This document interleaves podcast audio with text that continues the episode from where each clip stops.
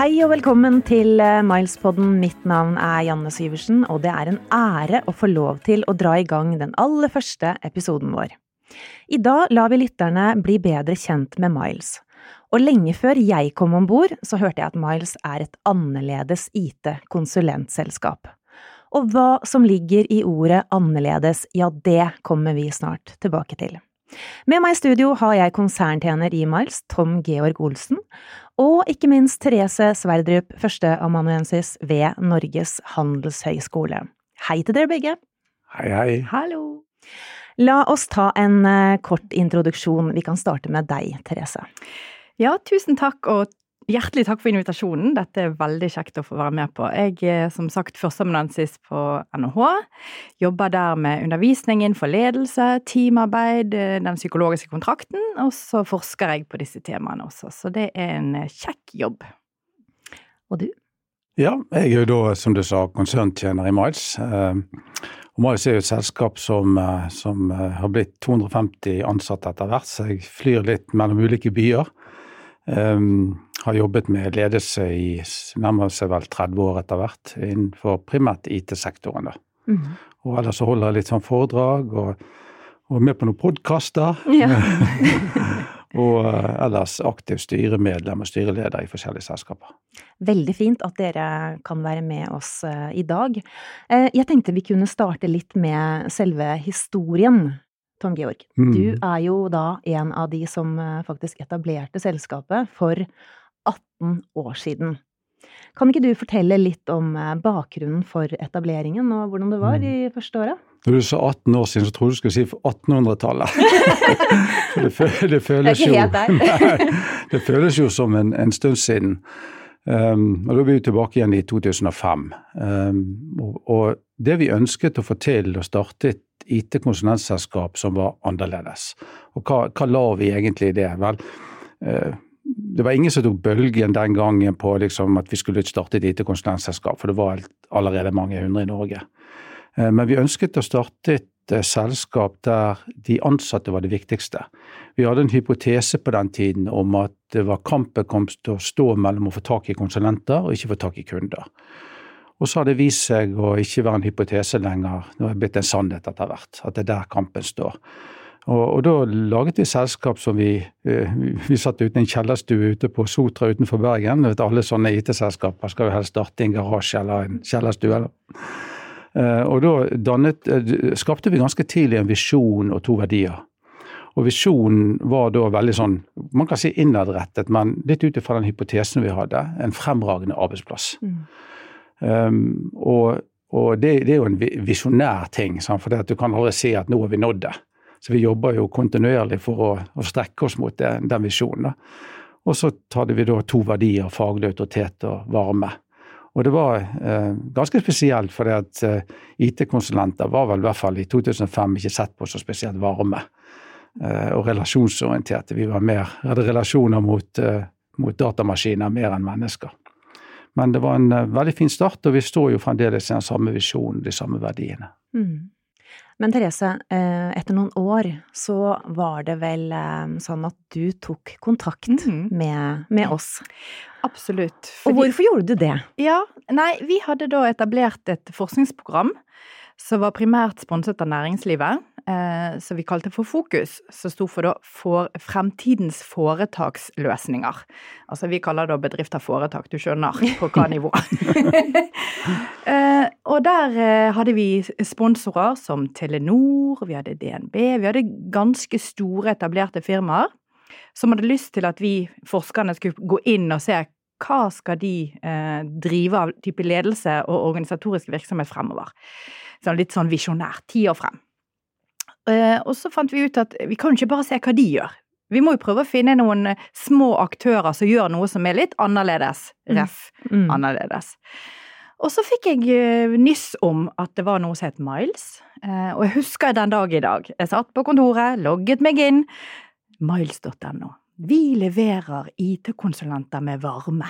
Jeg bare Hæ? Hva er det her? Hva er, hva er dette for noe? Mm og ble da veldig nysgjerrig. Sant? For det var noe i meg som Det, det sprikte i den eh, kognitive oppfatningen av IT-konsulenter var med litt sånn som Tom Georg sa. Og ikke nok med det, jeg sendte mail om at eh, sånn og sånn, vi er fra NHH, og så fikk jeg sånn ja, veldig hyggelig, varm hilsen Tom Georg. Jeg bare herregud, ja. hva i alle dager er det for noe? Mm. Så de sa ja, vi kom mm. på et møte. Vi fortalte om dette prosjektet, og at vi ville forske på disse store firmaene, og gjerne med Miles. Og de syntes jo dette var spennende. Mm. Eh, og bare en liten digresjon. Vi sa sånn Ja, da kan dere betale oss litt penger! Ja. For egentlig så kom de med at vi skulle være med som sponsor. Ja. Så han sa Nja, vi er jo liten, Statoil, DNB, ja. alle disse store. Kan ikke vi heller, kan ikke vi heller betale oss for å være med? Ja. Eller gjorde det ikke, da. Nei da, vi sa jo det. Vi ville jo ha kunnskapen deres. Eh, og da fikk vi egentlig litt sånn fritt vilt. Vær så god, gå mm. inn. Og vi gjorde intervjuer med konsulenter. Jeg var nå i mm. Oslo, jeg var i Stavanger, mm. jeg var i Bergen Bergen og snakket med ja. de. Og ja, så det var en, en starten på den reisen. Ja. Men hva, ja, hva, var det, hva, var dere mest interessert ja, i? Vi var jo interessert i, altså som jeg sa det innledningsvis det jeg forsker på, psykologisk kontrakt, for ja. eksempel. Sant? Som er dette her med uh, Vet en medarbeider og en leder hva som ligger i forventningen mellom de? Mm. Veldig ofte så ligger det masse forventninger, men du har ikke snakket om det.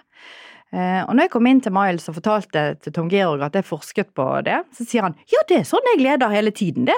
Ja. Og jeg hæ? Jeg er vant til at ledere ikke har et bevisst forhold til det begrepet. Så jeg tenkte supert, da kan jeg altså gå inn i en bedrift, eh, se litt hvordan folk opplever forventningene at dette er klargjort. Det var det ene. Det andre var at vi var interessert i selve ledelsesstilen. Hvordan dette oppleves å bli ledet på den måten. Der det var så tydelig at eh, det var få ledere. Mange medarbeidere er ute i disse, de er jo ute i bedrifter gjerne, sant. Mm. Uh, og så har de masse sosiale aktiviteter inne i, i, på, på, hovedkontoret til Miles da, for å bygge kultur osv. Hva type ledelse er det? Så det var liksom utgangspunktet vårt. Yeah. Og da fikk vi snakke med, med, Tom Georg og mange av konsulentene i det arbeidet. Jeg kan supplere Therese litt der. For det at vi var ganske bevisst på hvordan vi ønsket å lede eller tjene disse menneskene som vi skulle inn. Eh, vi skulle inn folk som var både veldig faglig dyktige, hadde en sterk faglig drive, men samtidig som var veldig eh, medmenneskelig, hadde medmenneskelige egenskaper, flink til å bygge relasjoner osv. Så, vi hadde liksom en formening om at disse trenger bare noen litt sånn rammer, og så kan de egentlig oppføre seg sånn som er naturlig for dem. Mm. Um, og da Eh, og, så fikk vi mye oppmerksomhet i pressen rundt det før NHH kom på banen. Det var sikkert litt der også Therese plukket det opp. Men vi kalte det for Miles-filosofien. Ja. Um, for vi hadde ikke noe bedre begrep på det. Så vi var jo veldig nysgjerrige når NHH kom på banen, og finne ut hva var det vi egentlig det het i akademiske kretser. Ja. Mm. Um, så, så, det ble veldig spennende for oss å, å gå inn i det. Så var det veldig krevende. For vi hadde jo tidlig, eller e, egentlig konstant noen som skrev masteroppgave og, og, og bacheloroppgave på oss. Og de er jo veldig sånn ordentlige, sånn unge mennesker, og de skriver det vi sier til dem. Mm. Mens disse her uh, forskerne som kom til oss, de sa ok, kan du dokumentere det du sier nå? Mm. Ja? Og virkelig grundig inn i det. da. Ja. Og, og, men da ble også verdien for oss mye større. Men um, du sa Miles-filosofien. Hvis vi skal oversette det til dagens uh, ledelsesfilosofi, mm. da. Uh, mm. Therese, hva, hva, vil du egentlig mm. si at det her handler om? Nei, jeg, jeg, har lyst til å trekke den reisen litt i dette med, med samarbeidet med Tom Georg. For jeg syns det var veldig artig når vi da sa ok, la oss inngå et samarbeid. Og så kom Tom Georg og husker ikke hvem andre ut på NHH, og da holdt du en presentasjon. Så sa ja. du Sånn gjør vi det. Her er Miles-filosofien. Og Tom Georg er jo en eh, skolert mann. Han liker å lese, og han hadde lest seg frem til mange typer ledelsesstiler osv. Og, så og sa det at jeg kjenner meg veldig godt igjen i dette transformasjonsledelse. Mm. Det driver vi med i Miles, og for de der ute skal ikke dra dere gjennom med det fire i-er, blant annet, for eksempel. okay. Idealisert innflytelse og ja. Og dette hadde han operasjonalisert, og vi ble veldig imponert. Dette, Jøss, kult, liksom. Her er det en leder som virkelig går inn i dette. Og så var det ok, det er det dere sier dere gjør. Så begynte vi å, å snakke med konsulentene og, og, og, gjøre våre analyser. Og så kom jeg tilbake og så sa jeg ja, transformasjonsledelse høres jo Det er mye riktig i det, men jeg opplever mer tjenende ledelse. Ja. Uh, og, og, det var en Altså, det er jo ledelsesfilosofi som uh, dateres tilbake til 70-tallet av vesentlig Robert Greenleaf, men som i kall det akademiske kretser ikke hadde tatt av før uh, ut på 2010-tallet. Så relativt fersk lederstil i våre akademiske kretser. Men når jeg begynte å lese meg opp på den, så følte jeg at det resonnerte mye bedre med Miles-filosofien og måten å lede på enn transformasjonsledelse. Så jeg rapporterte jo tilbake, jeg. Sant, Tom Georg? Så sa jeg jeg kjenner dette igjen. Mm. Eh, og, og, hva dere vil gjøre med det, det er jo opp til dere, selvfølgelig. Men jeg syns det resonnerte veldig godt med måten jeg så at eh, medarbeidere ble ledet på i Miles, da. Mm. Så det tok jo du imot. Ja, og, og du, du, kalte vel første gangen 'servant leadership', ja. sant, den amerikanske mm. betegnelsen. Um, jeg hadde aldri hørt om det før. Uh, det var en godt bevart hemmelighet. Ingen norske bedrifter jeg kjente til som hadde gått ut og snakket om det. eller det, på, I 2005 så var ikke mange norske bedrifter som snakket i hele tatt om hvilken ledelsesfilosofi eller lederstil de hadde. Da. Det kom mer de senere årene, syns jeg. Men eh, Servant Leadership kommer også med det prinsippet og eh, husker vi gikk igjennom de prinsippene etter at dere hadde sagt til oss at det var det vi var nærmest. Eh, og så følte vi, jeg følte vi kunne hooke av på alle. Mm. Mm. Uh, og, og, da ble jo det sånn det naturlige spørsmålet uh, ok, nå har vi fått en liten åpenbaring, men hva skal vi nå endre? Mm. Uh, og, og, vi så at det er noen ting vi kunne forsterke, men det vi først og fremst valgte å gjøre, det var jo å endre titlene våre. Ja. Og jeg hadde jo lekt med Altså, jeg, jeg, liker å leke med ord. Og jeg hadde tidligere, før NHH kom på banen, lekt med daglig leder, daglig tjener. Ikke sant? Men plutselig så fikk jo det en helt annen eh, dybde mm. uh, og forankring. Ja, absolutt. Uh, så da innførte vi at lederen for alle selskapene våre, vi hadde vel fem-seks selskaper den gangen, endret tittelen sin offisielt fra daglig leder til daglig tjener. Og jeg ble da konserntjener. Eh, for jeg jobber på tvers. Og nå de siste årene så har vi ansatt f.eks. deg, Janne, som markedstjener. Ja. Eh, vi har en finanstjener, vi har ikke en CFO, vi har en teknologitjener, vi har ikke en CTO. Mm. Og det som kanskje var det som varmet meg mest, det er vi sa vi på det øverste nivået, vi bestemmer oss for at vi skal tjene titler.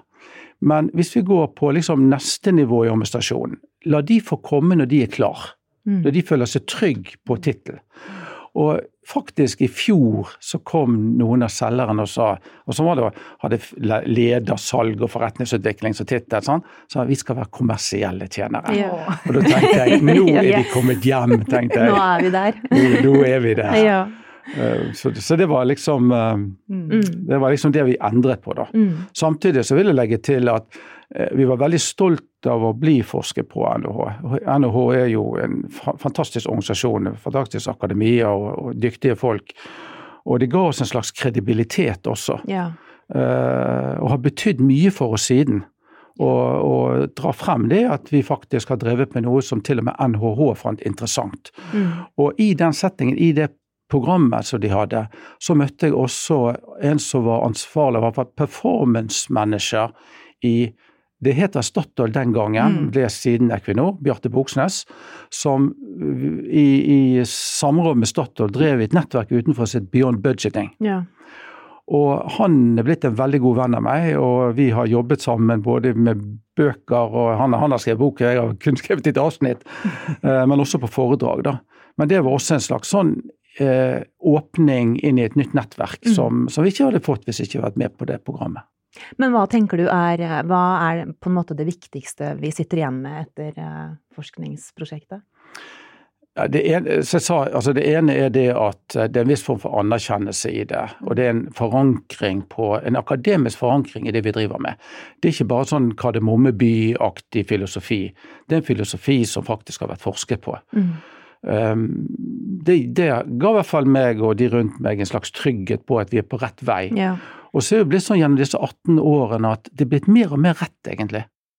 Eh, vi har gått i retning av, hvis du tar eh, utdannelsenivå, eh, høyere utdannelse i Norge, hvis du går tilbake til 1980, hvis jeg husker tallet riktig, så var det 10% kvinner i Norge, 13% menn som hadde høyere utdannelse. Ja. For, på et par-tre år siden så, så jeg en oppdatert statistikk. Da var det 30% menn, 34% kvinner. Og Det betyr at vi som arbeidsgivere i mye større grad får høyt utdannede mennesker inn i organisasjonen.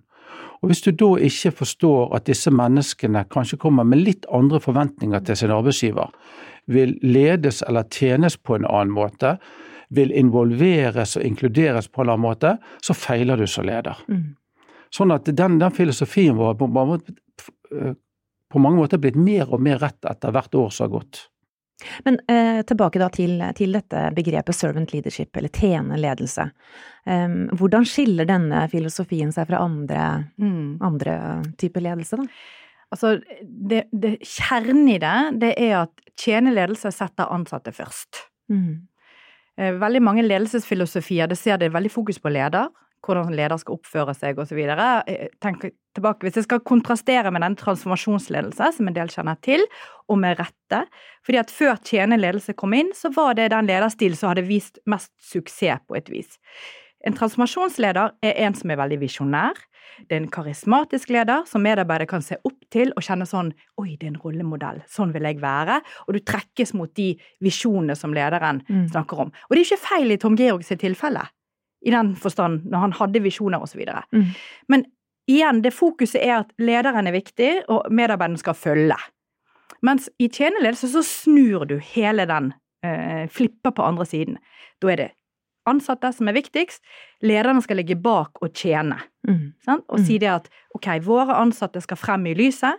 Så det er nå den ene biten av det som er den viktigste biten. Eh, så har du operasjonalisert det, ulike akademiske retninger, men den vi eh, forholder oss til, er jo eh, at det er syv dimensjoner som ligger i tjenerledelse.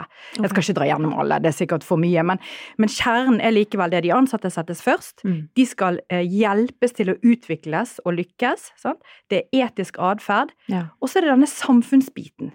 Du skal ikke bare drive firmaet ditt fordi at firmaet skal ha en god bunnlinje, men du skal yte utover eh, deg sjøl og eh, bedriften til samfunnet.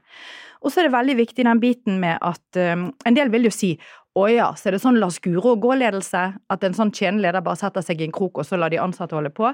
Nei, det er ganske krevende, fordi at du skal drive med oppfølging.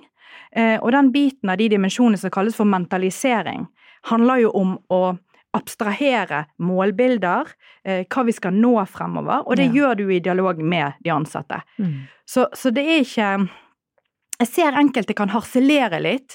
Eh, les DN-kronikker at å ja, nå skal lederne bare tjene, og nå er det sant.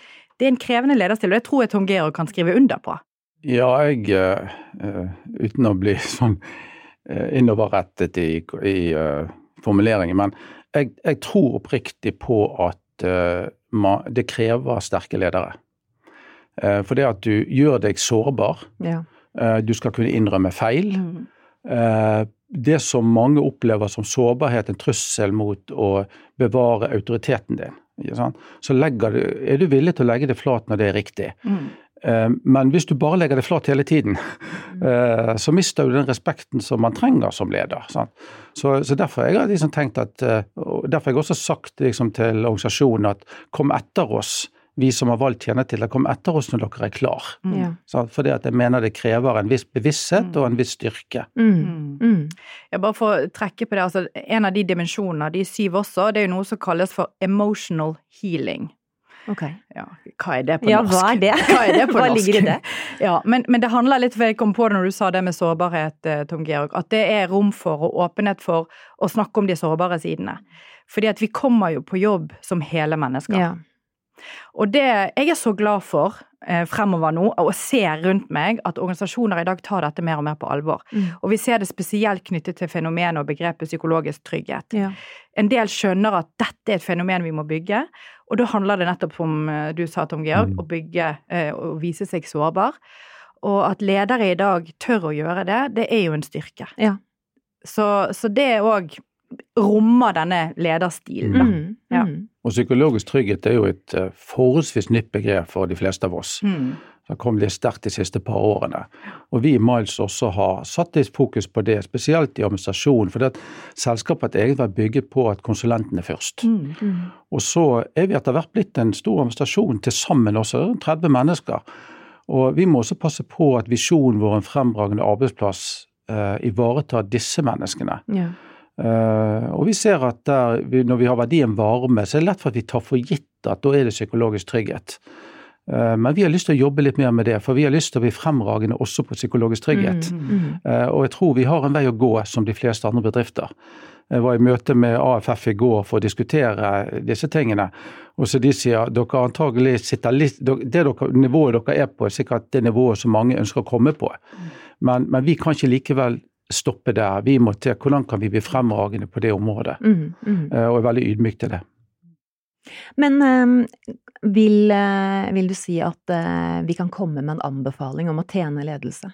Denne type å lede etter er, er noe vi Nei, vi vil anbefale ja, de fleste, eller? Ja, jeg, jeg, jeg, har valgt en litt annen tilnærming når jeg holder foredrag eksternt. og Det er å egentlig dele mine erfaringer, eller våre erfaringer med den type ledelse. Mm. Um, man skal vegre seg litt for å komme med anbefalinger. Uh, fordi at organisasjoner er veldig forskjellige, og alle organisasjoner har en kultur. Om man er bevisst eller ikke, så har de en kultur. Uh, og det finnes mange fasetter rundt tjeneledelse som Uh, som gjør at man kan ha forskjellig tilnærming til det. Mm. Uh, men det, det, må føles ekte, ikke bare noe Det finnes jo bedrifter som, som har forsøkt å, å rebrande på en måte sin livs, ledelsesfilosofi.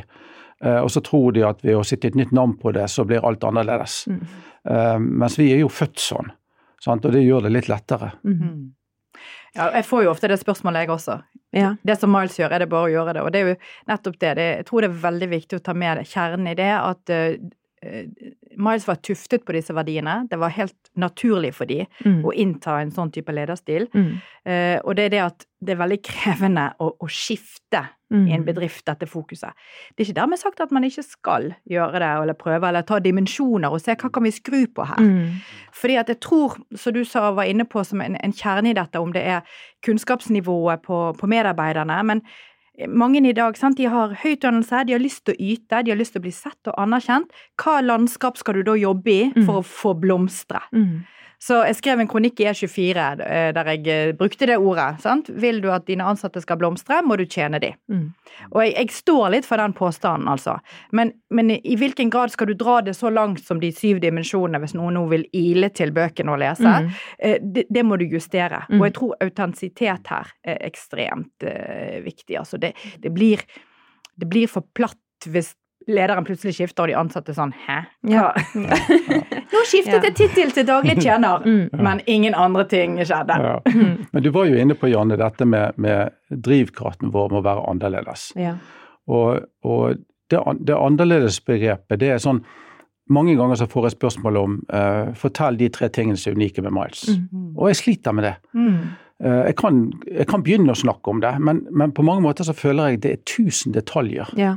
Det er mange småting som virker i samme retning. Det er ikke sånn at vi lønner folkene dobbelt så godt, eller vi gjør noe helt for Det vi opplevde når vi startet Miles, uh, vi var jo fire stykker for å gi de tre andre kred for dette også, uh, det var at vi vi gjorde ting som var veldig annerledes. Mm. Vi tok med ledsagere på utenlandstur f.eks., for, eksempel, for vi ønsket å bygge relasjoner hjem til middagsbordet. Og mente at det var også bedriftsøkonomisk veldig lønnsomt å knytte de relasjonene bak. Um, men så opplevde vi at en del selskap begynte å kopiere oss på de gjøretingene. Men det du aldri kan kopiere, er en kultur. Ja, ikke sant. sant? Og det vi har jobbet veldig bevisst med, det er jo at ja, vi har to verdier. Men, men verdier har i, i, utgangspunktet ingen verdi mm. før du oversetter det til atferd. Mm. Og kultur er summen av de ansattes atferd. Mm. Så det å jobbe bevisst med hvordan ser varme ut hos oss? Hva gjør vi når vi er varme? Mm. Hvordan lever vi den verdien? Mm. Hvordan lever vi faglig autoritet? Det har vi snakket mye om. Og når vi har onboarding-prosesser, så vi har hvert kvartal med de som har begynt siste kvartal, så går vi gjennom disse tingene og får de også til å reflektere rundt det. Mm. For det Én ting er å flytte papir, du kan sende noen noen sånn informasjon, men jeg er opptatt av å flytte hoder. Mm. Og da må folk være med på refleksjonene. Ja, absolutt. Og det du sier med onboarding, den eh, var jeg jo selv eh, med på, ettersom jeg, jeg har jo ikke vært her så lenge, jeg heller. Men, men det syns jeg var så Det var så gode eksempler fra andre ansatte på hvordan er det vi faktisk utøver eh, for eksempel varme, da. Mm. Kan du ikke si litt om det? Når konsulentene er ute i oppdrag. Ja. ja. Um, det, altså Hvis vi tar begge verdiene bare sånn kjapt, så faglig autoritet, så, så, høres det jo det litt sånn liksom pompøst ut, for å bruke ordet autoritet. Men det vi oversatte det som, det er at hvis vi har, hvis vi er et selskap med eh, der alle ansatte er veldig faglig interesserte. Så vet vi det at eh, hvis du er veldig interessert i noe, det kan være sopp, det kan være en idrett, det kan være hva som helst. Mm. Hvis du driver med det over tid, så blir du på et veldig bra nivå. Sånn, så det vi første vi sjekker ut, er den faglige interessen sterk nok. Mm. til at du klarer, og Ikke minst i IT-sektoren, der det skjer eh, si, innovasjoner hele tiden. Så er ikke du interessert, har du ikke sjanse til å følge med. Jeg tok en teknisk utdannelse, men fant ut at jeg var aldri teknisk interessert nok. Derfor har jeg gått ledelse og salg, da, så jeg følte at jeg i hvert fall var interessert nok i. da.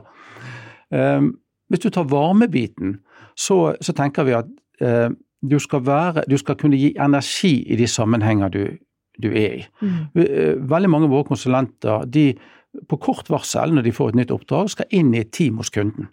Noen ganger er de med på at teamet etableres for første gang, andre ganger er det et etablert team som de kommer inn i.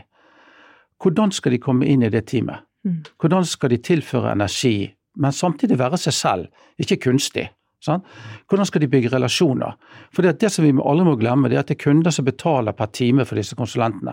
Og jo fortere de kommer inn i kunden sin kultur, i kunden sin måte å være på, bygge relasjoner, jo mer verdi får kunden ja, av hver time. Og det er krevende i seg selv.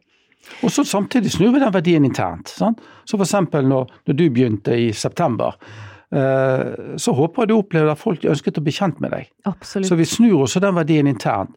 Er du på et sosialt arrangement i Miles og du ser en som ikke du har sett før eller hilst på, eh, så er det helt ok å kanskje til og med oppfordre til å gå bort og presentere det for den mm, personen. Mm, mm. Være nysgjerrig. Mm. Så vi snur også den, bruker også den varmen internt. Mm. Jeg syns det var interessant i et av intervjuene jeg gjennomførte med en av konsulentene og spurte de hvordan ser det ut, eh, disse verdiene. Og så har jeg et sånt kongesitat, jeg har jo gjort det er ti år siden jeg hørte dette, men det sitter så godt. Så sa han jeg har ikke tall på hvor mange ganger jeg har tatt beslutninger basert på følgende. Er dette faglig dyktig nok, og er det varmt nok? Hvis jeg kan svare ja på de to spørsmålene, så gjør jeg det. Ja. og det er for meg en sånn mm. Tenk at du har medarbeidere ja. som sitter med verdiene i ryggmargen. På den måten. På den måten. Mm. Det er jo sånn de fleste sliter med å spørre medarbeiderne husker dere de der verdiene. Ja. og så sier de «Øh, vent litt, vent, vent litt, ja det står på låsekortet ja. her. Men, men de, de, lever det jo ikke. Nei. Så det er det som er superfascinerende med Miles. Og derfor sier jeg vi kunne òg snakket om Miles driver med verdibasert ledelse. Mm, mm. Det er en A-lederstil. Mm. Så det er jo utrolig mange nyanser. Ja, Eller tillitsbasert ledelse. Vi har jo ikke snakket om tillitsbegrepet, men det står også veldig sterkt hos oss. Mm. Men litt sånn mer tilbake til eh, kultur, da. For de fleste bedrifter de har en kultur og de har verdier. Er det slik at eh, kulturen alltid vil gjenspeile verdiene som er valgt? Hva tenker du om det? Ja, nei, det er jo noe som eh, Altså akademisk sett, igjen tilbake til hvordan studerer vi disse fenomenene. En kultur, når du studerer den, består av et sett av verdier, normer, grunnleggende antakelser og virkelighetsoppfatninger. Så det kan du mm. studere. Du kan gå rundt, og du kan få en feeling av hvordan dette er. Du kan intervjue folk og observere. Mm. Så har du det som er de nedskrevde verdiene. Det er jo det ledelsen gjerne har gjort i noen workshops i samarbeid med ansatte, forhåpentligvis. Så har de sagt disse er de verdiene vi skal ha. Og det kan være sånn profesjonalitet, modig, øh, åpenhet, for eksempel. Så står det på en, en vegg. Og så er det I en ordsky. Ja, så er det sånn Er det overlapp mellom det vi mm. observerer og ser, og det vi ser på veggen? Mm. Og det der, det der med kultur blir så spennende, for som Tom Georg sa, kulturen lever. Mm. Men den består av de verdiene som vi ser florerer blant folk, ikke nødvendigvis det som står på veggen. Så det å skape den overlappen mellom det du har vedtatt som verdier og ønsker å være, og det som vi faktisk ser, det er det som er liksom det spennende i, i det å gå inn og se kultur. Men også, også veldig krevende. Ekstremt. For det er ikke sånn som du sa, Therese, at du bare kan beslutte noen verdier på fredagen, og så er det implementert på mandagen. Sånn? Du må være villig altså det, det er kanskje bare 5% av jobben å sette de, de, ordene som skal være utover verdien. Men det å bygge en kultur over mange år som speiler de verdiene, det er et uh, godt stykke arbeid. Mm. Og derfor, hvis vi ser bedrifter i dag som nå skal vi kjøre en ny strategiprosess, så skal de ta en runde. Ja, skal vi gjøre noe med de der verdiene, folkens? Eh, så sier man ja, kanskje det hadde vært en idé, sant? og så bringer de inn et ord eller to. Og så følges det jo ikke opp. Sant? Du vil jo ikke få endring da. Nei. Fordi at da vil jo de verdiene som allerede er der, som er kulturen, det er jo de som eksisterer. Mm. Eh, og da vil jo folk si igjen ja, men Miles, klart at de har det, for de, de var jo myntet og tuftet på dette. Ja, det var det jo. Mm. De var så bevisste den gangen at de etablerte selskapet med verdier, og derfor eh, fikk de til eh, den biten. Mm. Mm. Men nå skal vi ta et lite sceneskifte. Um, for eh, en av de tingene som er veldig annerledes, vil jeg si, det er jo rekrutteringsprosessen vår. Mm. Vil du uh, si litt om uh, den? Ja. og den kan vi jo snakke mye om. Ja, det kunne vi. Vi kunne tatt egen podkast på den. Ja. Mm. Men, men, det henger veldig sammen med det som vi nettopp har snakket om. Så ja, det, jeg vil si det er et lite sceneskifte, men ikke stort.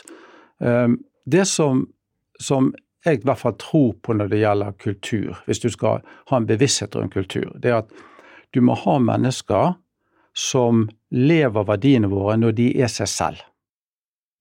Ikke når vi har forsøkt å forme de, endre de. Eh, jeg er verken psykolog eller psykiater, så tror jeg at jeg kan endre folks personlighet. Det blir veldig optimistisk og ambisiøst. Eh, men da er vi tilbake til rekrutteringsprosessen. Det betyr at vi driver en verdibasert rekruttering. Mm. Det vil si at vi ser etter faglig dyktighet, faglig autoritet, faglig interesse, og vi ser etter de mellommenneskelige egenskapene som vi oppsummerer som varme. For det at vi tenker, Hvis vi finner de menneskene som har de egenskapene og de interessene, så vil de egentlig være en veldig god match med den kulturen vi ønsker å bygge. Mm. Ikke at vi tenker at de, de der virker lovende, vi tar det inn og så former vi de. Ja?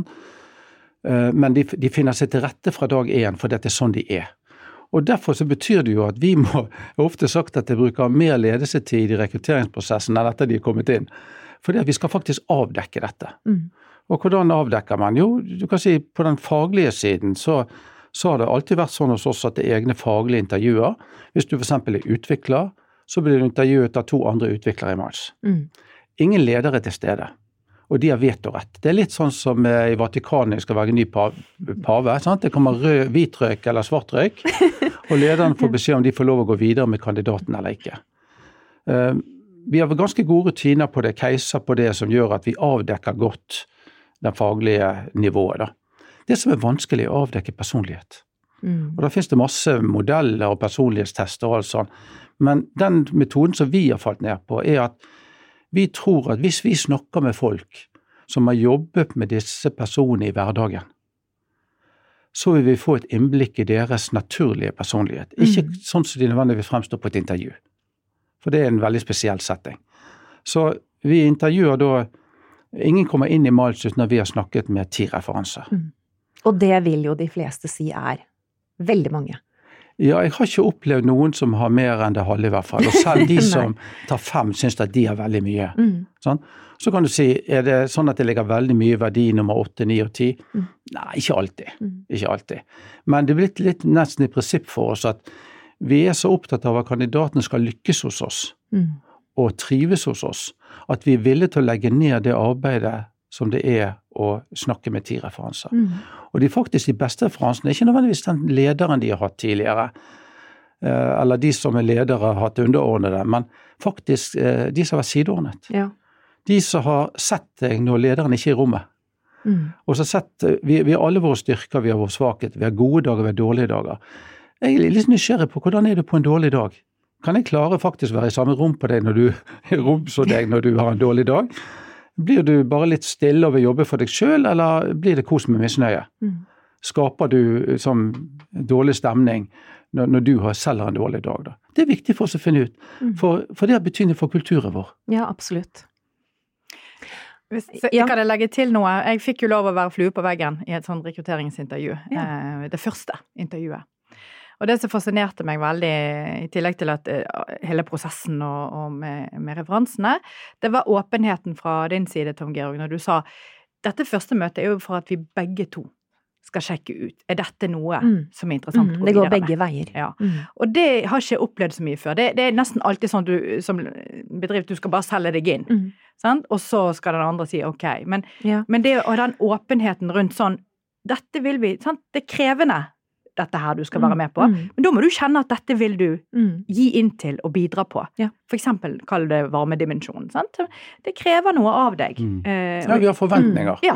Sant? Vi har Apropos forventninger å til at- avdekke den psykologiske kontrakten. Mm. Disse tingene blir jo ofte veldig uuttalt i andre rekrutteringsprosesser, så du vet ikke helt Mm. hvordan du gjør det. Og det, det fascinerte meg veldig, hvordan eh, det er laget eh, stories, altså hvordan du forteller dette her, eh, setter de forventningene. Det kan godt være du opplevde det, Janne, Ja, det er akkurat var eh, det. Jeg sto jo selv Mm. i den prosessen der. Eh, og ja, jeg syns jo det var krevende. Men allikevel så følte jeg meg veldig trygg og ivaretatt hele veien. mm, For det handla jo ikke om å bli stilt til veggs, på en måte. Nei. Det man kanskje har opplevd eh, tidligere. At du blir veldig grilla, og det her liksom går mest fra den ene, ene kanten. Ja. Men det er jo ikke sånn. Ja, det er egentlig tre dimensjoner. Du, det som du nevnte, Therese. Altså, eh, de to forholdsvis vanlige dimensjonene, da, det er at bedriften skal ta en beslutning og avdekke på om du er riktig for bedriften. Mm. Ja. Og så er det motsatte. Du skal avdekke for om bedriften er riktig for deg. Men det som vi også har forsøkt å tillegge oss, det er at vi skal føle oss trygge på at vi er riktig for deg. Mm. Sånn? Så vi får påta oss egentlig en sånn tredje dimensjon, for vi har, så, vi har så lite lyst til å mislykkes. Vi har så lite lyst til å ha de samtaler som går på at vi er ikke riktig for hverandre. Mm. Og da må du legge mer betydelig arbeid inn. Jeg, jeg vet ikke hvor mange jeg har møtt av ledere som når jeg spør dem hvor mange referansesamtaler de tar, så ser de litt sånn ned og sier to, ja veldig ofte bare én. Mm. Og noen ganger til og med etter de har gitt et forpliktende tilbud. Ja. Og så tenker jeg, hvordan tør de? Mm. Hvordan tør de å være så hva skal jeg si, overfladisk, da, for å Mm. bruke litt sånn sterkt uttrykk, i en prosess der vi kanskje skal jobbe sammen i ti år? Mhm. Mm. En annen ting jeg har plukket opp fra deg, Tom Georg, som jeg syns er veldig bra, som jeg har brukt sjøl, jeg har nå ansatt noe, det er vi tviler oss aldri frem til et ja. Jeg syns det er så bra sagt. Mm. Ja, absolutt. Er det ja, så kjenner du det bare. Mm. Mm. Hvis du må tvile, da er det ikke riktig. Men det er ikke bare på, for vår del, det er vel så mye for kandidatene Ja, ja, ja. del. Husk at vi, vi rekrutterer folk som kan nesten få jobb hvor som helst. Mm. Og da skal vi være trygge på at det du går ifra, eller det du kommer til, vil være bedre for deg i ditt stadie i livet, din stadie i karrieren, Mm. enn der du er i dag. Mm. Det skal vi føle oss trygge på. Og da må vi gjøre et gr- grundig stykke arbeid Mm. for å finne ut det. Og det syns jeg, i forhold til eh, kulturen vår, da, så er det mye lettere for meg også, når jeg har vært igjennom det her, eh, å forstå at kulturen vår er jo faktisk et resultat av hvordan rekrutteringsprosessen vår er. Mm. Og en annen ting som jeg syns var fascinerende med flere intervjuet i Miles, var at de, de har, gjerne så har ikke de søkt på en stilling i Miles. De er gjerne sånn oppfordret til, eh, kommet til en samtale vi har hørt via via. sant? Mm. Og, og så sa de ja, det var noe sånn passe, liksom. Tenkte jeg skulle høre hva dette var for noe sånn. Men det å gå gjennom den prosessen gjorde de bare mer og mer sikker på og motivert for jobben i Miles. Mm. Det syns jeg var veldig fascinerende. Mm. Hvordan det de, de var jo så bra caser, det var jo så utfordrende. Jeg tenkte her, her er det flinke folk, disse vil jeg jobbe med. Ja. Så, så bare det å kjøre rekrutteringsprosessen på den måten er også en, en bit i å skape en mer sikkerhet for de som sier ja, da. Men jeg har lyst til å balansere det litt, Mm. sånn at det ikke er bare sånn bare halleluja rundt dette. For det, at det har noen nedsider også. Mm. Og en av de tingene som vi har snakket mye opp gjennom årene, det er at denne prosessen vi har lagt opp, den rekrutteringsprosessen, er litt maskulin Mm. i sin form. Eh, vil, han, vil han fremstå som like attraktiv og tenne det kanskje konkurranseinstinktet for å komme inn hos kvinner? Og Jeg husker jeg hadde en samtale med to av våre dyktigste konsulenter, uavhengig av kjønn, to kvinner i Oslo, hvor begge sa at hadde ikke det vært for at headhunter dyttet de inn døren, så hadde de aldri tørt å søke jobb hos Miles eller Ja. fremme seg hos Miles. Og det er en liten sånn refleksjon som vi må med oss. Um, at vi må kanskje, selv om vi har en verdi som varmer Vi mener jo at uh, du kan satt litt på spissen og nesten ikke komme til et bedre sted som kvinne å jobbe. Um, men kanskje rekrutteringsprosessen kan virkelig skremme nå. Ja, absolutt. Det har vi jo hørt Mm. fra, fra flere. Ja. Mm. Men eh, nå har vi jo vi har snakket om, om veldig mye nå. Eh, hvis vi avslutningsvis kanskje kan si noe om eh, hva, tror vi, hva tror vi om ledelse fremover? Er eh, denne Miles-filosofien bærekraftig, eller, eller vil fremtiden kreve mer styring og kontroll? Hva tenker dere om det? Ja, jeg har nettopp blitt utfordret i, i et intervju med mm, Vi har en, en, professor hos oss, Nikolai Foss, som tidligere jobbet der, som skrev boken eh, 'Hierarki og byråkrati er fortsatt viktig'. For jeg skrev nemlig en kronikk som heter 'Kast lederne' for en tid tilbake. Mm. Jeg ville provosere litt. Så vi, sto, vi, ble satt opp mot hverandre. Fordi at eh, Det er jo nettopp det. Hva er ledelse anno 2023 og fremover? Mm. Og jeg liker å, å kalle og skille mellom det som heter en leder, og det som er ledelse. Sånn, trenger vi en leder for å drive ledelse?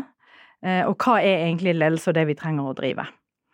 Og, og, det er jo det som er viktig. Ledelsesprosesser. Er det styring og kontroll? Sant? Er det å sette mål? Det er å se medarbeidere osv. Dette kan vi delegere ut. Så jeg tror jo veldig på at vi, vi skal ikke opp i hierarkiet, vi skal ikke drive med byråkratisering, men mye av det i store bedrifter er nødvendig likevel. Eh, så du må ha systemer på plass. Er det verdier? Er det det med det tillitsbaserte? Er det det med å ha gode systemer? Ja, det kan eh, ligge til sammen med det menneskelige aspektet. Så, så, det er nok ikke mulig i dag å ha en svær bedrift og ingen ledere eh, og ingen systemer, så det må vi ha. Men jeg tror likevel at den reisen man har begynt på nå, med psykologisk trygghet, med eh, kalle det tjenende, det å sette ansatte først, det å, å tenke relasjoner og anerkjennelse, er, er, fortsatt den veien vi skal gå. Mm. Mm. Mm. Hva tenker du? Jeg er veldig enig med, med Therese. Um, uh, jeg har uh, sagt opp gjennom årene at ledelse er for viktig til å bli overlatt til kun ledere. ja. Og det har noe med å mobilisere, spesielt når du har utdann, høyt utdannede mennesker. Skal ikke vi måtte skryte for mye av de i forhold til andre, men, men, det er noe med at de i hvert fall har hatt en del fag på skolen da, som har gjort de kvalifisert til å ta beslutninger. Og har ofte tatt beslutninger også i sin egen karriere og sin egen utdannelsesvei. Um, og det å mobilisere det. Og så tror jeg at uh, på mange ting så er det sånn at pendelen kan svinge litt ut, og så svinger den litt tilbake igjen. Og Jeg tror kanskje vi er inne i tider Vi har jo vært gjennom pandemien, jeg sier gjennom, forhåpentligvis at vi er ferdig med den. Uh, der det har vært behov for å være tydeligere. Ja.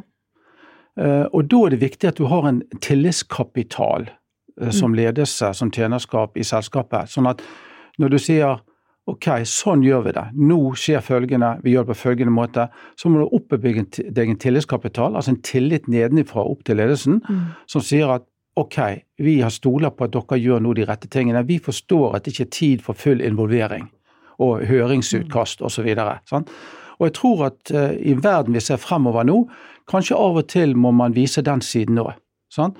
Eh, men det er noe med at, at hvis man er en, eh, en, eh, god leder, tjener leder til daglig, så tror jeg av og til du må vise også at du har litt handlekraft. Mm. Og at det ikke er full involvering, og at du evner til å ta beslutninger når, når det kreves. Mm.